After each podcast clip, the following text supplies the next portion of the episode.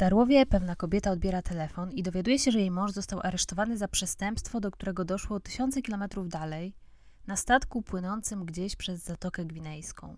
Nie żyje dwóch mężczyzn. Co się stało i dlaczego nikt nie chce mówić o tym wprost? O tym opowiem w dzisiejszych zbrodniach prowincjonalnych.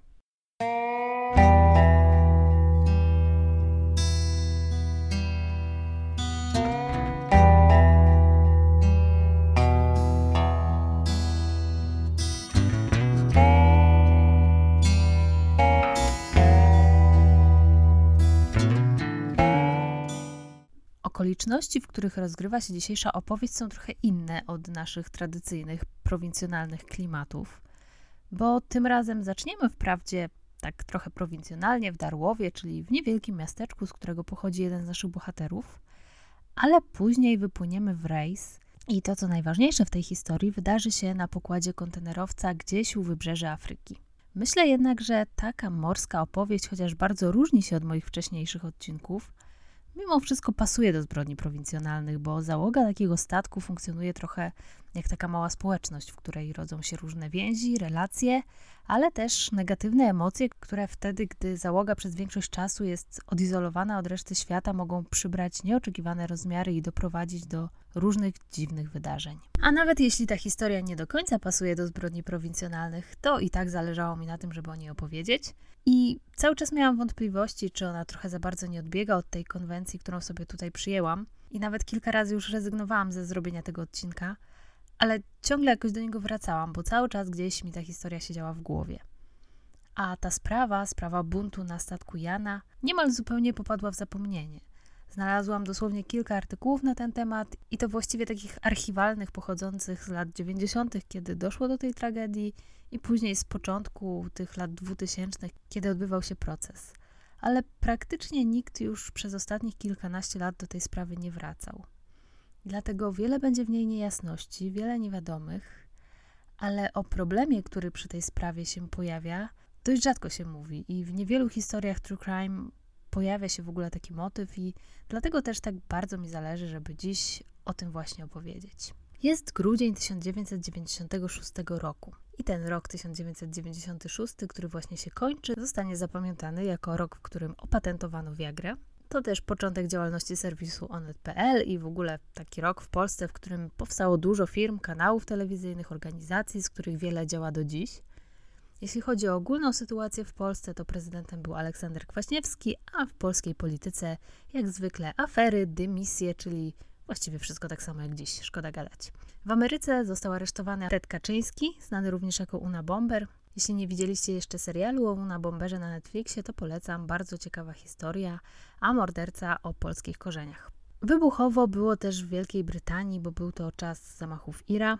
A jeśli chodzi o sferę rozrywkową, to w 1996 roku wyemitowano pierwszy odcinek Disco Polo Live.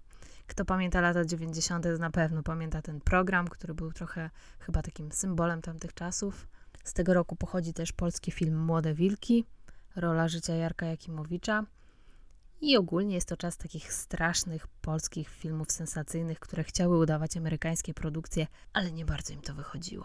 W Polsce w tym roku odbył się koncert Michaela Jacksona, a Wisława Szymborska odebrała Nagrodę Nobla. W 1996 roku wszyscy tańczyliśmy Makarenę, a na listach przebojów był Orła Cień zespołu Various Monks, ONA, kiedy powiem sobie dość, no i oczywiście Kelly Family. I z pewnością wszystkie te przeboje można było usłyszeć w tym czasie w Darłowie, z którego pochodzi jeden z naszych dzisiejszych bohaterów. Pewnie nie trzeba tego miasta za bardzo przedstawiać, bo jest to dość znane miasto położone w województwie zachodniopomorskim. Liczy sobie około 13 tysięcy mieszkańców, więc najwięcej z dotychczasowych odcinków. I pewnie kojarzy Wam się z letnimi wakacjami nad morzem. Ja pamiętam, że właśnie w latach 90. jeździłam tam na wczasy z rodziną, konkretnie do Darłówka, który jest taką częścią turystyczną. I to miejsce kojarzy mi się z lodami włoskimi w czekoladowej polewie i z automatami, w których wyciągało się maskotki, sterując taką metalową łapką. Ja nie wiem, czy te automaty mają jakąś swoją taką fachową nazwę. A tak ogólnie pewnie Darłowo kojarzy się z morzem i z przystanią żeglarską, w której cumują jachty i kutry rybackie. Darłowo może się też poszczycić trzecią najniższą latarią morską na polskim wybrzeżu, o ile można to uznać za zaszczyt. Nie najniższe jest tutaj natomiast bezrobocie, bo to jest ponad 12%. Ludzie utrzymują się tutaj w dużej mierze z turystyki, z różnych zajęć związanych z morzem.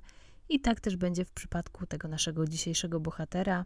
I nie będę więcej mówić o samym Darłowie, bo w tej historii będzie ono właściwie tylko takim portem, z którego wypłyniemy, a nie naszym głównym miejscem akcji. Także to jest odcinek ze specjalną dedykacją dla tych, co narzekają w komentarzach na za długie wstępy, ale nie przyzwyczajajcie się zanadto, wstępy wrócą.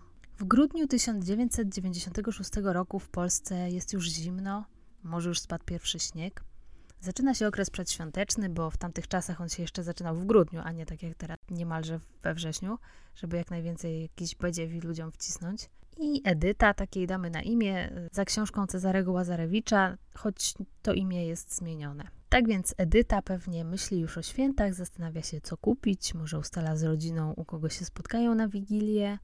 I pewnie nie opuszcza jej przy tym myśl, że chciałaby, żeby jej mąż wrócił na święta do domu, choć wie, że to jest raczej niemożliwe, bo Edyta była żoną marynarza. Jej mąż, 30-letni Paweł, wypłynął właśnie w morze w październiku z niemieckiego Bremenhaven i miał dotrzeć do Gany. W listopadzie zadzwonił, że chce przedłużyć kontrakt, więc miało go nie być w domu prawie rok. Pewnie tam gdzieś pomiędzy rejsami na krótko miał wpadać, ale przez większość czasu miał być na morzu. Oczywiście możliwości kontaktu z najbliższymi podczas takiego rejsu są bardzo ograniczone, a przynajmniej takie były w latach 90. No i co najwyżej w jakimś porcie można było zadzwonić na chwilę, ale też takie rozmowy musiały kosztować majątek, więc pewnie były bardzo krótkie. Ale jak każda kobieta w jej sytuacji, Edyta musiała się już do tego jakoś przyzwyczaić, do tych długich nieobecności męża w domu, do niepokoju. Zresztą do tej pory wszystko układało się w miarę dobrze, więc Edyta właściwie nie miała większych powodów, żeby się denerwować, że coś mogłoby się złego stać. A też Paweł nie był takim stereotypowym marynarzem z kochanką w każdym porcie, wręcz przeciwnie. Paweł bardzo kochał swoją żonę, był jej wierny, także nawet jego koledzy się z tego podśmiewali. Edyta i Paweł byli ze sobą jeszcze od szkoły podstawowej, więc była to taka miłość na całe życie. A na statkach tak naprawdę zaczął pływać dla niej, bo w tamtych czasach to był jeden z niewielu sposobów, żeby w dość krótkim czasie zarobić sporo pieniędzy. A te pieniądze były im bardzo potrzebne z dwóch powodów. Po pierwsze, Paweł razem ze swoim szwagrem prowadził przez pewien czas wytwórnię flaków, która zbankrutowała. Początek lat 90. to też był taki zwariowany czas, kiedy nagle wszyscy próbowali robić jakieś biznesy, czasem takie, na których kompletnie się nie znali. Ludzie handlowali czym popadło i gdzie popadło. I niektórym rzeczywiście udawało się w krótkim czasie zarobić bardzo dużo, ale nie zawsze też udawało się te biznesy utrzymać. Konkurencja stawała się coraz większa, zmieniały się przepisy i osoby niedoświadczone w prowadzeniu takiego biznesu albo takie, które zainwestowały w niewłaściwe branże, często traciły i musiały zamykać firmy. I tak prawdopodobnie było właśnie w przypadku Pawła.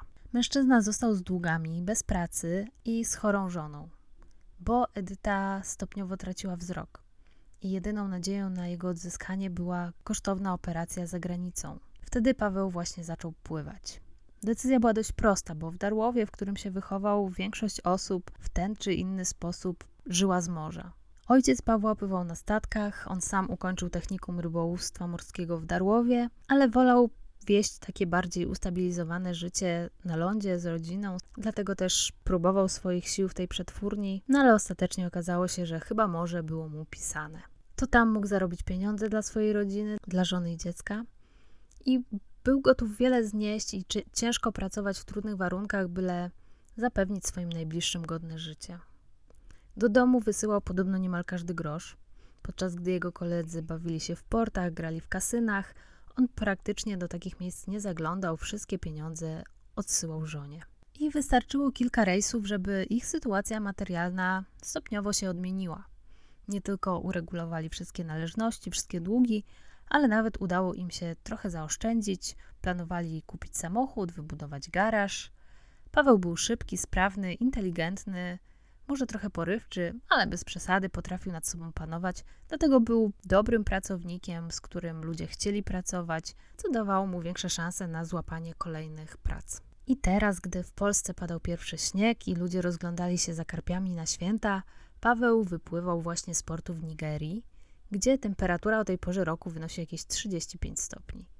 Chodzi sobie bez koszuli, bo w równikowym klimacie ubranie klei się do ciała w tym upale. I wyobrażam sobie, że w tej zimnej, grudniowej Polsce w latach 90. taka podróż do Afryki Zachodniej dla większości ludzi była czymś równie nierealnym co lot na Marsa. Jeszcze bardziej nierealna wydawała się jednak wiadomość, którą Edyta otrzymała w południe 12 grudnia 1996 roku. Zadzwonił do niej przedstawiciel warszawskiej agencji IMS Marine Service Polska, która zatrudniała Pawła. Mężczyzna powiedział Edycie, że na statku doszło do wypadku. Zginęło dwóch członków załogi. Paweł żył, ale był jednym z podejrzanych o popełnienie tego morderstwa i przebywał właśnie w areszcie w Abidżanie na wybrzeżu Kości Słoniowej. Edyta nie mogła w to uwierzyć. Przecież jej mąż nigdy nikogo nie mógłby zabić. Była pewna, że to musi być pomyłka. Albo że ktoś próbuje Pawła wrobić w morderstwo, bo może na przykład odkrył jakiś przemyt. Brat Pawła miał inną teorię. On sądził, że jego brat musiał zabić w obronie własnej, w obronie swojego życia lub czyjegoś, bo tylko w takiej sytuacji byłby do czegoś takiego zdolny. Nie wierzyli w to również mieszkańcy Darłowa, którzy o Pawle nie mogli powiedzieć złego słowa. W miasteczku, w którym się wychował, kojarzyło go wiele osób, czy to ze szkoły, z podwórka, gdzieś ze sklepu, i nikt nie widział w nim mordercy. Wszyscy mówili, że był miły, sympatyczny, choć trzeba przyznać, że o wielu seryjnych mordercach tak właśnie wypowiadają się postronne osoby. Do Edyty wciąż docierają jakieś takie skąpe informacje pojawiające się w gazetach, ale żadnej oficjalnej. No i ani słowa od Pawła. Tymczasem w więzieniu przy porcie w Abidżanie Paweł i Jerzy, drugi z aresztowanych Polaków, czekają na ekstradycję. No tylko pytanie, dokąd? Bo status prawny statku Jana jest dość złożony.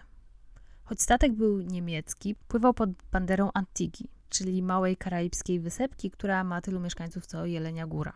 Domyślam się, że w grę tu wchodziły jakieś kwestie podatkowe czy inne tego typu, że po prostu tak było z jakiegoś powodu taniej. Dwaj zamordowani mężczyźni byli Niemcami, a oskarżeni o ich zabójstwo Polakami, którzy siedzieli w więzieniu na wybrzeżu Kości Słoniowej, a do samej zbrodni doszło na wodach eksterytorialnych. No i bądź mądry, kto ma ich sądzić teraz? Chętni do tego byli Niemcy.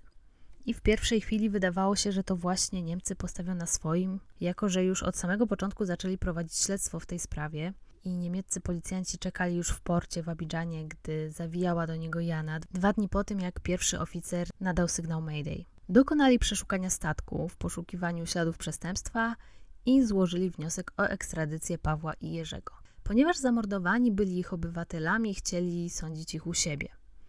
Niemieckie gazety pisały, że nieudolni marynarze z dawnego bloku wschodniego są plagą na niemieckich statkach.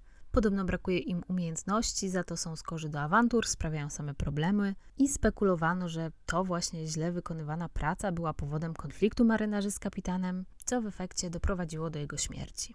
Polskie władze nie działały aż tak szybko jak niemieckie, ale jednak działały.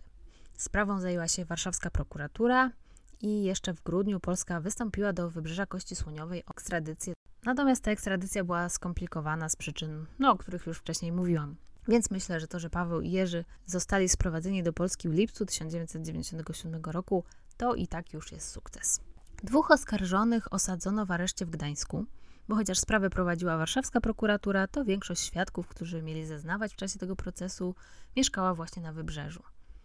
I choć sprawa budziła zainteresowanie, to postanowiono, że będzie odbywać się za zamkniętymi drzwiami, z uwagi na możliwość naruszenia dóbr osobistych stron procesu, jak to enigmatycznie przedstawiła przewodnicząca składu orzekającego. Wcześniej przedstawiciel IMS, który pojechał do Abidżanu, żeby zorientować się w sytuacji, też wrócił z taką nietęgą miną, no i nie bardzo chciał mówić o tym, co zaszło.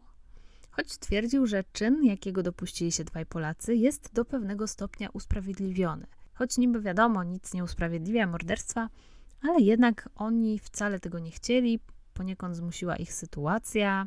Ale tak wprost o co chodzi i jaka to była sytuacja, nie chciał powiedzieć. Tylko, że byli w amoku i że sami nie wierzą, że to zrobili. Ale jednocześnie zapewniają, że nie stało się to pod wpływem alkoholu czy narkotyków. No więc co tam się mogło stać i dlaczego nikt nie chciał o tym mówić wprost? Dziś już można mniej więcej odtworzyć wydarzenia z tamtej nocy, choć część szczegółów pozostanie pewnie tajemnicą na zawsze. Żeby zrozumieć to, co się stało w Zatoce Gwinejskiej, musimy cofnąć się trochę do początku rejsu statku Jana i poznać bliżej jej załogę oraz panujące w niej relacje. Przede wszystkim należy powiedzieć, że załoga kontenerowca Jana składała się z 13 osób, w tym 11 Polaków i dwóch Niemców. Jednym z tych Niemców był kapitan Klaus Klausen, swoją drogą strasznie głupi pomysł, żeby się tak nazywać, ale widać rodzice nie mogli się powstrzymać, a drugim mechanik Ulrich. Paweł dostał się na ten statek przez firmę czarterującą w Polsce i nie znał nikogo z członków załogi, z którymi miał spędzić kolejne miesiące. Pierwszy raz spotkał ich w Bremenhaven, gdzie Jana stała w stoczni i właśnie kończono jej remont. Członkowie załogi mieli więc trochę czasu, żeby się lepiej poznać. Paweł dość szybko złapał dobry kontakt z Jerzym. Chociaż ten był raczej typem introwertyka, dość powściągliwym człowiekiem, to jednak budził sympatię i miał ze wszystkimi dobry kontakt. Jerzy był od Pawła trochę starszy, bo miał 42 lata i był takim potężnym mężczyzną. Świetnie znał angielski i w przeciwieństwie do Pawła nie traktował tej pracy chyba jedynie w kategoriach finansowych. Jerzy był przede wszystkim pasjonatem żeglarstwa. Mieszkał w Warszawie, co prawda, no ale zaczęło się od rejsów po Mazurach, później była szkoła rybołówstwa. W latach 80. pracował w milicji rzecznej. Przestał pływać, kiedy się ożenił, kiedy przyszły na świat jego dzieci. Później dzieci, których miał dwoje, podrosły, poszły na studia, a on jakoś chyba nie mógł znaleźć sobie miejsca, często zmieniał pracę, nie lubił długo tkwić w jednym miejscu, na jednym stanowisku. No i w końcu postanowił wrócić do pływania. Poza tym Jerzy, w przeciwieństwie do pozostałych członków załogi, pływał już wcześniej z kapitanem Klausenem. Przez to na początku został trochę takim wujkiem dobrą radą, mówił swoim nowym kolegom, jaki jest ten kapitan, na co trzeba uważać, jak się zachowywać, żeby mu nie podpaść. No bo Klausen miał swoje dziwactwa.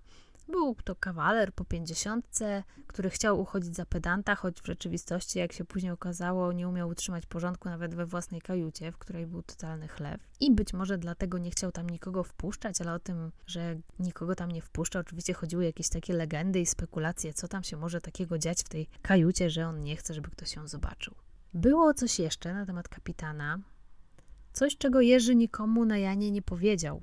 Podobno podczas poprzedniego rejsu Klausen próbował się do niego dobierać, ale Jerzy wspomniał o tym dopiero podczas śledztwa. Kolegom o tym, że kapitan ma skłonności homoseksualne, nigdy nie powiedział. Może nie chciał, żeby zapytali skąd o tym wie, bo wtedy musiałby przyznać się do tego wstydliwego zdarzenia albo coś zmyślać.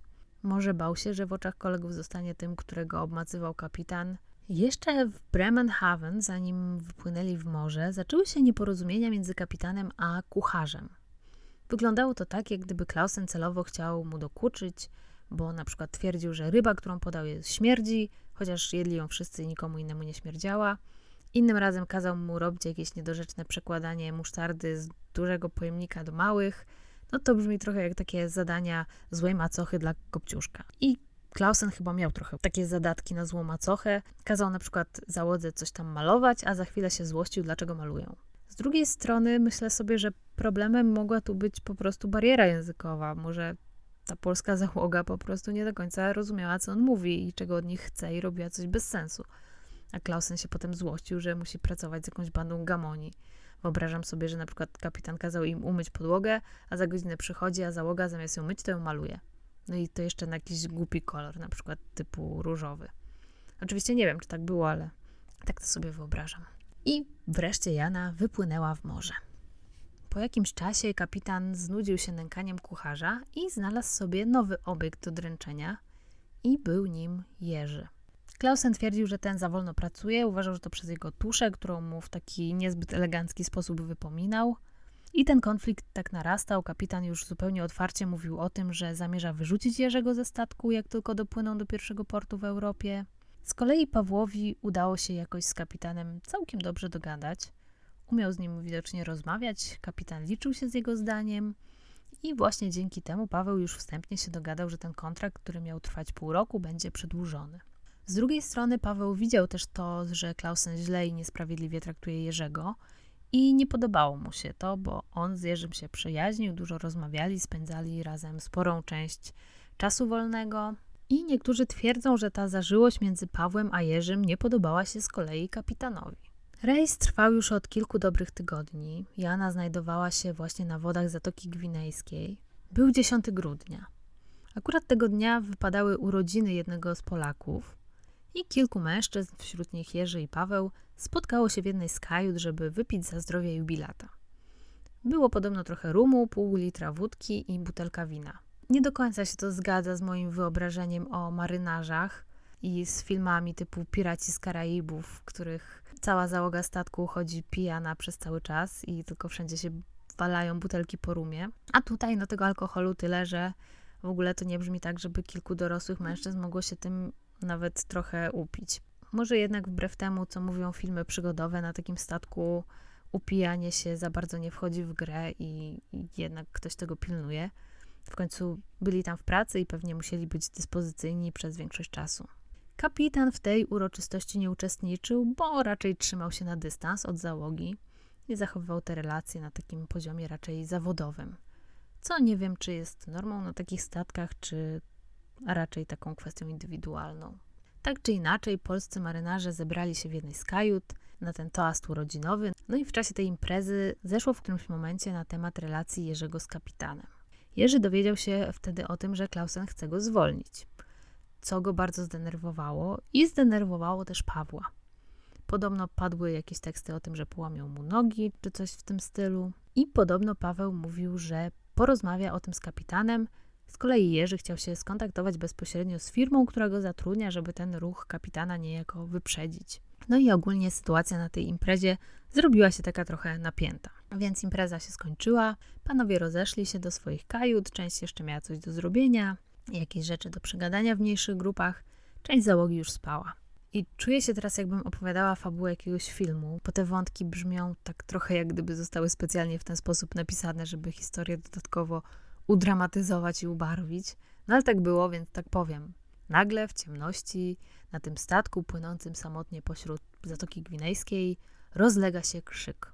Ci, którzy ten krzyk słyszeli, opisali go później jako nieludzki.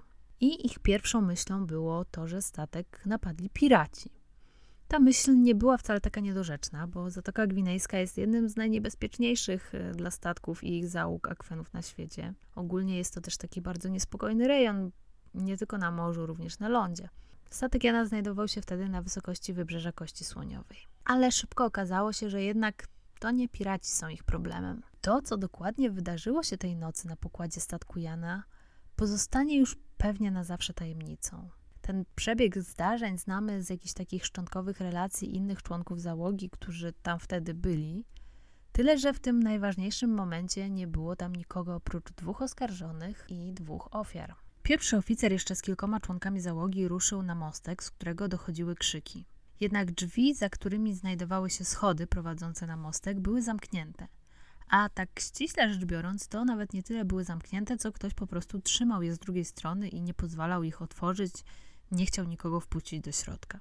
Z wewnątrz dochodził jeszcze głos mechanika Ulricha, czyli tego jedynego oprócz y, kapitana Niemca na pokładzie.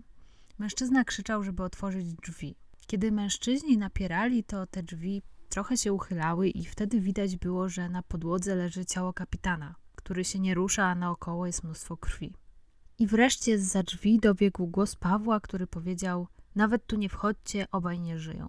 I tak jeszcze przez jakiś czas Paweł i Jerzy, który jak się okazało też tam był, zabarykadowani na mostku usiłowali nie dopuścić, żeby reszta załogi zobaczyła, co właściwie się stało. No ale w końcu musieli ustąpić, byli w mniejszości.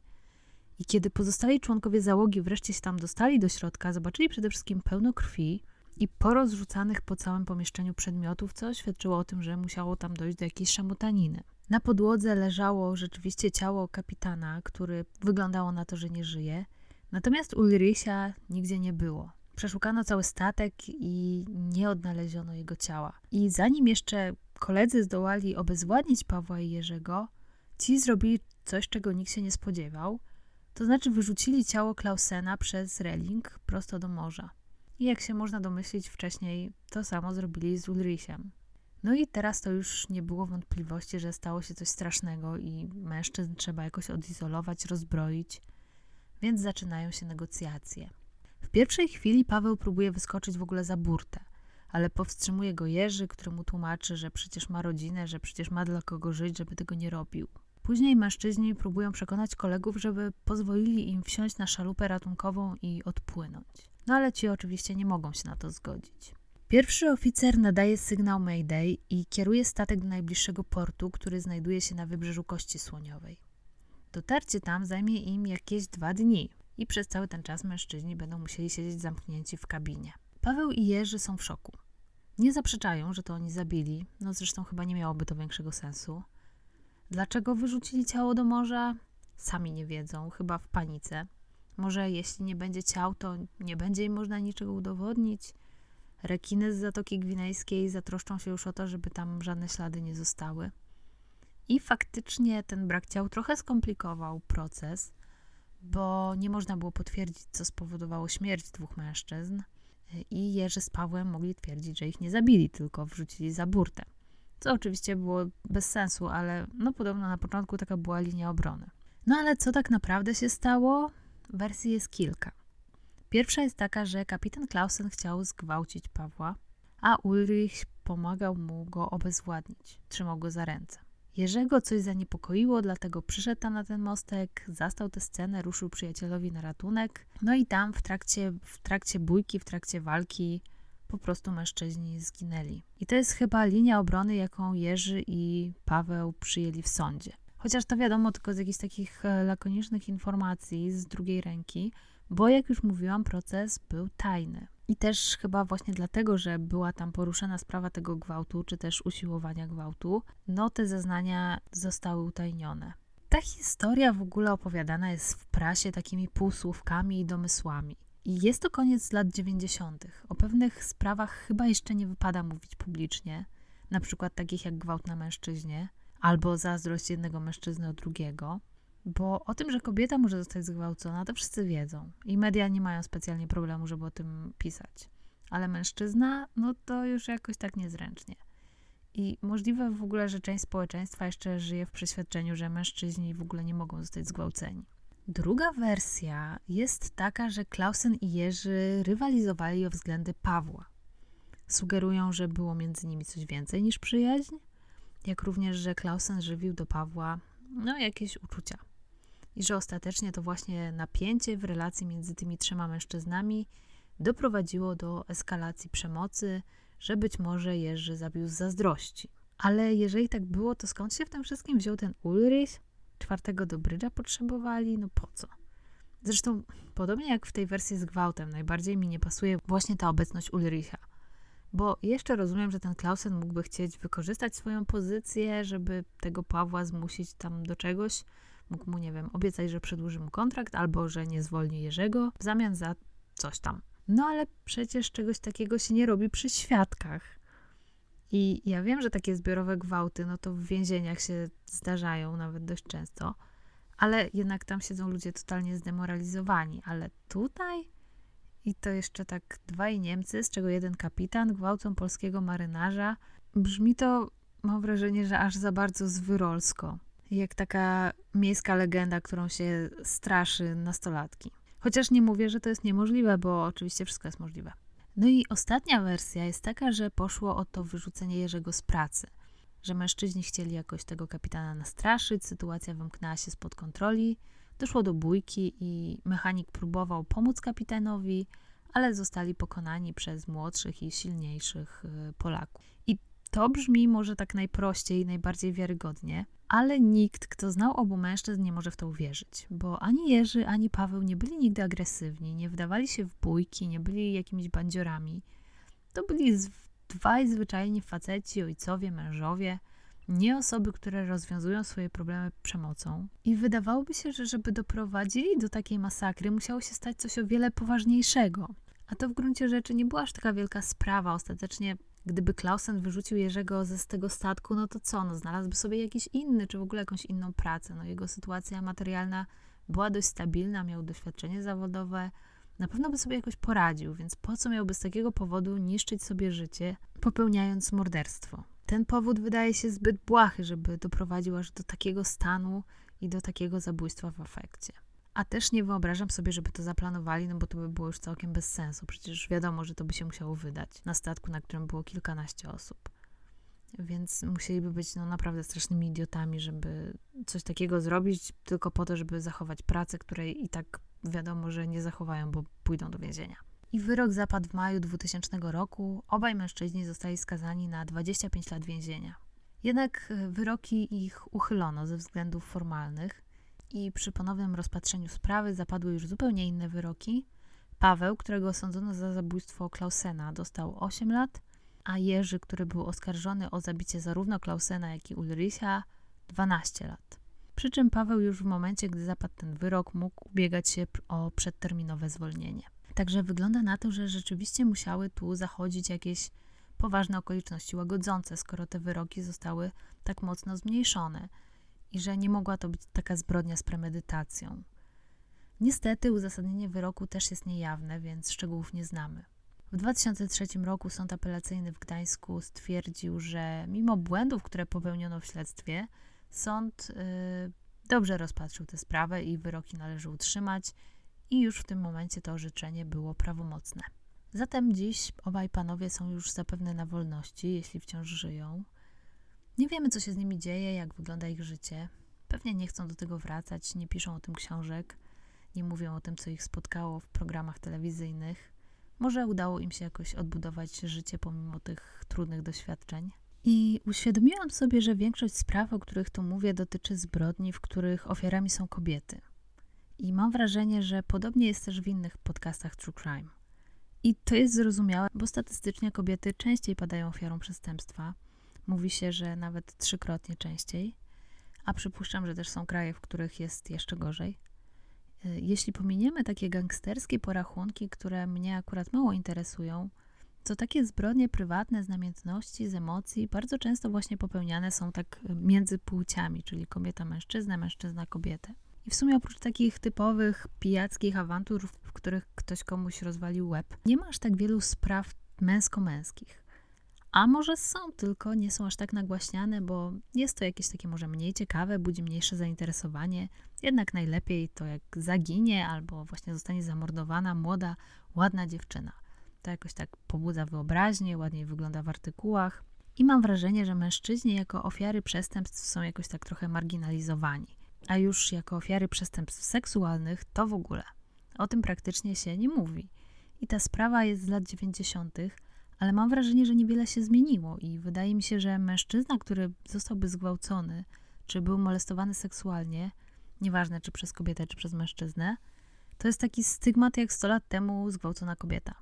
Oczywiście z innych powodów. Kiedyś kobieta, która została zgwałcona, traciła reputację. Często mówiło się o tym, że była winna, że sama sobie to sprowadziła na siebie, że sama to sprowokowała, że chciała tego. Wspominałam o tym trochę przy historii Antoniego Gapa. I mam wrażenie, że to trochę podobnie działa dziś w przypadku mężczyzn. Przecież mężczyzna jest silny, może się obronić. Przed kobietą to już w ogóle, więc tutaj temat prawie nie istnieje. Przypuszczam, że jak jakiś pan powiedziałby kolegom, że go zgwałciła kobieta, to by go wyśmiali i powiedzieli, że mu zazdroszczą i też by tak chcieli. Choć tak naprawdę wcale by tego pewnie nie chcieli, ale przecież mężczyzna musi podkreślić na każdym kroku, że zawsze i wszędzie jest gotowy do działania. I myśl o tym, że mężczyzna mógł doświadczyć przemocy seksualnej, jest w ogóle sprzeczna z tym, jak postrzegana jest rola płciowa mężczyzny. I też prawo tutaj jest często tak sformułowane, że nawet ściganie takich przestępstw jest czasem niemożliwe, jeśli mówimy o dorosłym mężczyźnie i dorosłej kobiecie. A jeśli mężczyzna zostanie zgwałcony przez innego mężczyznę, no to już jest jakaś totalna skaza na honorze, pozbawienie męskości, powód do drwin. I przypuszczam, że wielu mężczyzn by nawet czegoś takiego nie zgłosiło po prostu ze wstydu. I do czego właściwie zmierzam? Żyjemy w czasach bardzo mocnego dowartościowywania mniejszości seksualnych, walki z wykluczeniem wszelkiego rodzaju, walki o równouprawnienie. I ja nie mówię, że to jest źle, wręcz przeciwnie, bo to są ważne społecznie tematy i potrzebna jest rozmowa na ten temat. Ale czasem mam trochę wrażenie, że w tym wszystkim ten biały, heteroseksualny mężczyzna stał się takim symbolem oprawcy, który tylko dyskryminuje, stosuje przemoc i jest winien właściwie całemu złu tego świata. No a przecież nie każdy mężczyzna taki jest. I mężczyzna jako ofiara przemocy seksualnej to jest bardzo trudny temat, bardzo niechętnie podejmowany zarówno przez kobiety, jak i przez mężczyzn. No bo facet to ma być tym silnym, zaradnym, tym, który umie sobie poradzić. A jeśli padł ofiarą przemocy seksualnej, no to to jest jego porażka, bo nie umiał się obronić, nie umiał sobie poradzić, nie sprawdził się w swojej roli. I też mężczyzna generalnie nie chce być postrzegany jako ofiara, nawet jeżeli tą ofiarą się stanie. I nie wie, jak sobie z tym radzić, nie ma odwagi zwrócić się o pomoc. I to jest właśnie coś, co mnie tak uderzyło w tej sprawie morderstwa na pokładzie statku Janna. To, że powstała taka wstydliwa otoczka wokół tego procesu, której by nie było, gdyby za te zbrodnie była sądzona kobieta. I to było ponad 20 lat temu, ale wydaje mi się, że gdyby wydarzyło się dziś, to wyglądałoby dalej tak samo, bo wciąż to jest dla nas tabu. I może warto się zastanowić, dlaczego tak jest i czy na pewno tak powinno być. Mam nadzieję, że ta historia Was zaciekawiła i dała trochę do myślenia, pomimo że nie była taka typowo prowincjonalna, ale też chyba miałam potrzebę odejść trochę od tych kur i ziemniaków na chwilę. Poza tym, tak jak już mówiłam na początku, zależało mi na tym, żeby tę mało znaną sprawę trochę przybliżyć i zwrócić uwagę na ten dość rzadko poruszany temat. Jestem ciekawa, jak myślicie, co mogło się naprawdę wydarzyć tej nocy na pokładzie statku Jana. Piszcie śmiało w komentarzach na YouTubie albo na Facebooku zbrodni prowincjonalnych, ale to już oczywiście wiecie. Zapraszam Was za tydzień na kolejny odcinek, w którym zajmę się jedną z tych spraw, które poleciliście mi w komentarzach. I postanowiłam, że od tej pory będę raz w miesiącu nagrywać właśnie taki odcinek na podstawie Waszych rekomendacji. Jeśli jeszcze nie subskrybujecie mojego podcastu tam, gdzie go słuchacie, a chcecie zostać na dłużej, to zachęcam do tego, bo dzięki temu kanał staje się bardziej widoczny i częściej się wyświetla w jakichś propozycjach, a to podobno dobrze. Przy okazji dziękuję Wam za wszystkie komentarze, polubienia, subskrypcje i zapraszam za tydzień na kolejny odcinek Zbrodni Prowincjonalnych.